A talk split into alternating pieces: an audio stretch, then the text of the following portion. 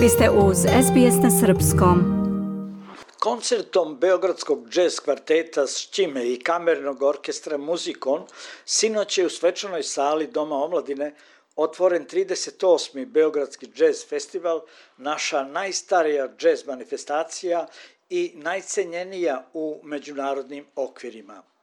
Ovo je deo premijernog koncerta ovogodišnjeg džez festivala.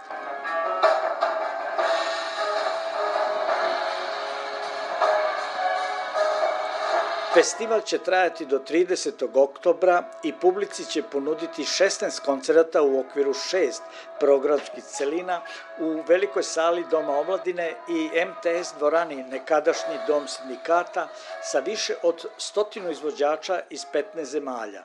Nastupit će između ostalih Lighton Windermark Woolley, Britanija Amerika, Steven Bemštaj, Amerika, Avishai Cohen, kvartet Izrael, Orkestar National de Jazz Francuska, Big Band Orkestar RTS-a i mnogi drugi.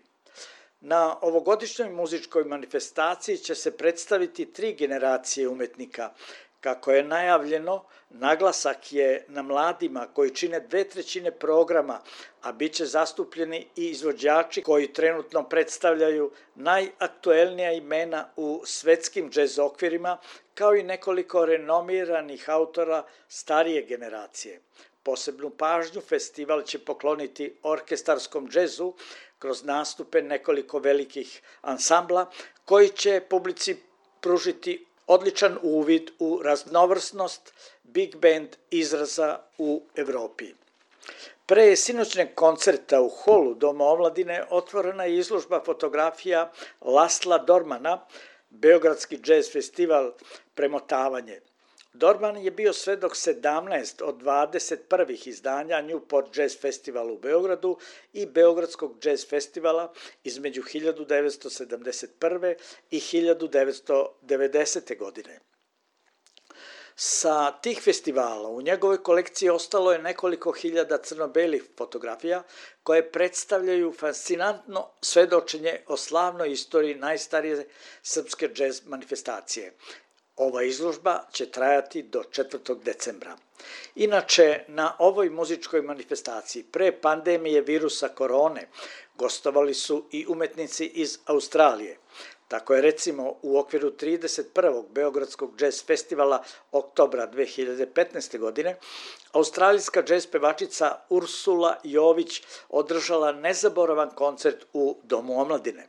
Dan kasnije Ursula, po majici aboriđanka, a po ocu Srpkinja, imala je i mini koncert za đake srednje muzičke škole Mokranjac u ovoj obrazovnoj ustanovi. Ona je tada u razgovoru za SBS radio izrazila veliko zadovoljstvo što je pevala u Beogradu i istakla da je privilegovana što je posetila zemlju svoga oca a čuveni australijski klavirski trio The Next nastupio je na 34. Beogradskom jazz festivalu oktobra 2018. godine. Iz Beograda za SBS radio Hranislav Nikolić. Želite da čujete još priča poput ove? Slušajte nas na Apple Podcast, Google Podcast, Spotify ili odakle god slušate podcast.